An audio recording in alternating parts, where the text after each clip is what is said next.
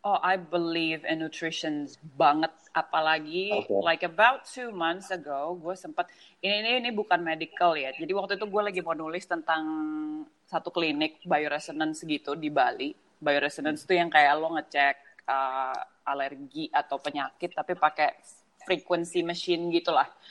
Uh, Ada tuh namanya BlueMed Bioresonance di Bali dia tiba-tiba detect katanya gue ada eh, apa namanya ada lupus walaupun dia belum 100% active in my body but Yeah. then sudah terdetek oleh sistem intinya kayak gitu kan terus eh, apa namanya itu bisa di tapi itu reversible bukan reversible dia bilangnya waktu itu maintainable eh, through lifestyle sama makanan gitu kan Oh, and maintain. then, Oh, uh, uh, and then I was like, nah, it's not gonna be in me. Gitu, gue cuman yang kayak, no, I, I can be back to my prime health again. Gitu. Terus gue nyari dan kebetulan di Bali ini one of my best friend dia itu the the president of autoimmune Indonesia. Dia emang punya uh, foundation itu kan. Kalau lupus kan bagian dari autoimmune Terus gue kayak consult sama dia dan mereka punya nutritionist dan di situ gue belajar deh tuh tentang nutrisi nutrisi uh, di badan lo. Yang ternyata apa yang lo makan it's either it makes or it breaks you So you really have to know gitu. Gue jadinya gue pelajarin gitu kan. Oke, kalau untuk joints and muscles, yang paling bagus apa yang harus dikonsumsi, yang jelek untuk itu apa. So gue nggak makan apa yang jelek untuk itu, gue makan apa yang bagus untuk itu. Oke, sekarang buat uh, apa me- menghilangkan inflamasi, apa yang jangan dimakan, apa yang bagus buat dimakan. In 10 days, gue tes lagi, dia berkurangnya jauh. Jadi tadinya range-nya ada di detected tapi tidak aktif. In 10 days dia hampir keluar dari sistem.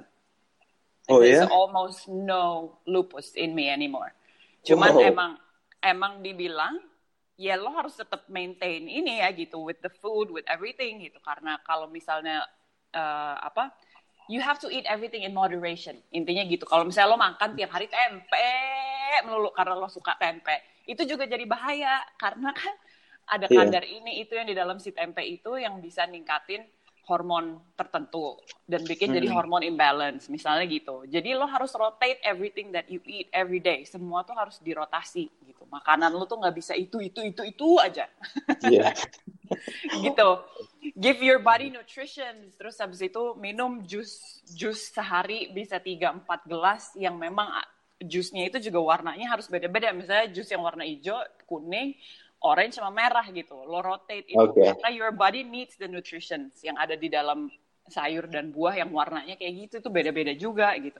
I did Hmm. it I did it in 10 days and then and then udah recovered aja. Jadi jauh lebih apa um, you feel a lot better and lupusnya juga hampir it's almost undetectable lagi ya. Just Yeah. from this change in nutrition apa makanan-makanan dan minuman-minuman konsumsi hanya dengan ganti di situ aja it can have Exactly. life-changing effects. Exactly. Dan uh, uh, kemarin pas gue ngobrol sama yang si foundernya Autoimmune Indonesia itu, uh, apa namanya si salah satu yang gue ngobrol itu keadaan autoimunnya malah udah parah yang udah jadi beneran gitu ya. Kalau gue kemarin kan baru detected on the system doang. Kalau dia tuh sampai udah gagal ginjal, klep jantungnya bocor dua, hatinya dia Oh. udah bengkak. Jadi udah kayak udah sebenarnya kalau dilihat dari sisi kayak gitu yang kayak "Shh, just wait for the day you die, you know, yang kayak udah Yeah. udah ya udah nggak mungkin deh gitu. Nah Hmm. dia bahkan eh, sempet anaphylactic shock tujuh kali gitu, yang bener-bener itu tuh kayak jantungnya berhenti karena alergi. Jadi dia banyak Oh. banget alergi in- ini itu ini itu, which is itu autoimunnya dia menyerang itu gitu kan. Dia nggak bisa obat, dia nggak bisa obat apa pun dia alergi. Jadi Oh, dia iya. bener-bener depends on nutrition. Memang Ah. dia she went through stem cell sih karena itu udah parah banget kan udah gagal-gagal ini ini ini apa segala macam.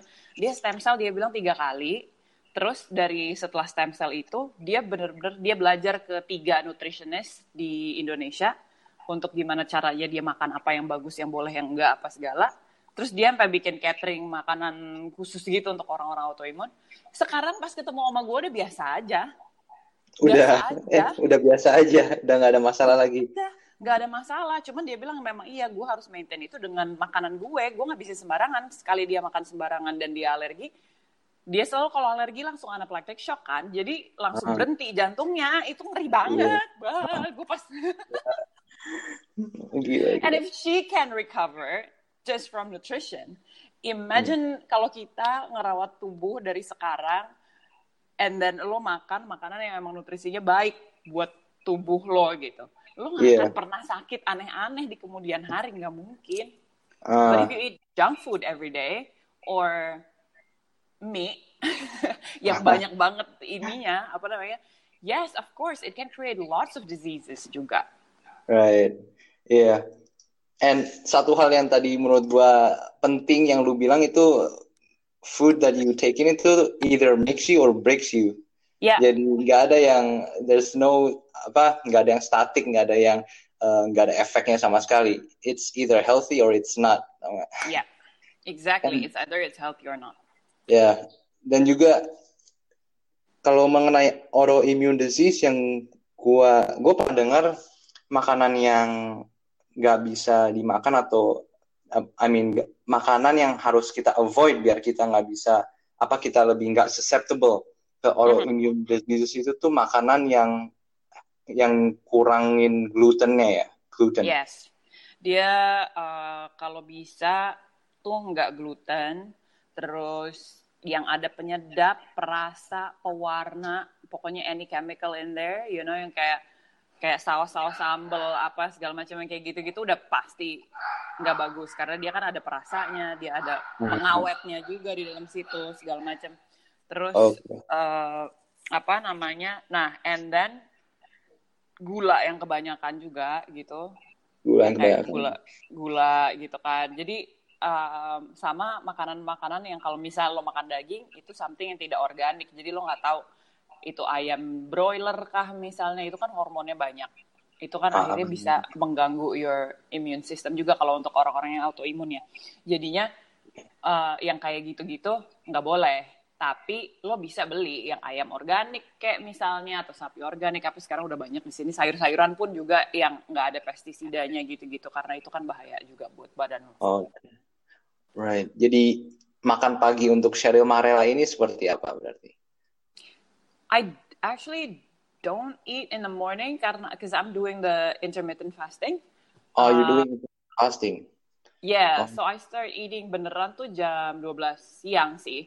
Cuman before Hmm. that, uh, gue I have jadi kalau gue baru bangun itu biasanya gue minumnya VCO sama air putih aja. VCO. Yang banyak, yeah, VCO aja di satu sendok gitu. Oh, It's a oke. probiotik ya buat buat uh, apa namanya ngejaga um, apa apa digestive system. Terus um, biasanya sih nanti kalau udah mulai ke jam 11 which is an hour before gue makan berat itu gue minum jus tapi dicampur sama apple cider vinegar. Oh, Oke, apa cider vinegar. Ini jusnya uh, green juice atau Macam-macam you have to rotate again. Ah, Kayak rotate, rotate oke. aja gitu ha, dari itu semua terus baru deh jam 12 gue mulai makan beneran. And sometimes I have my coffee if I want to.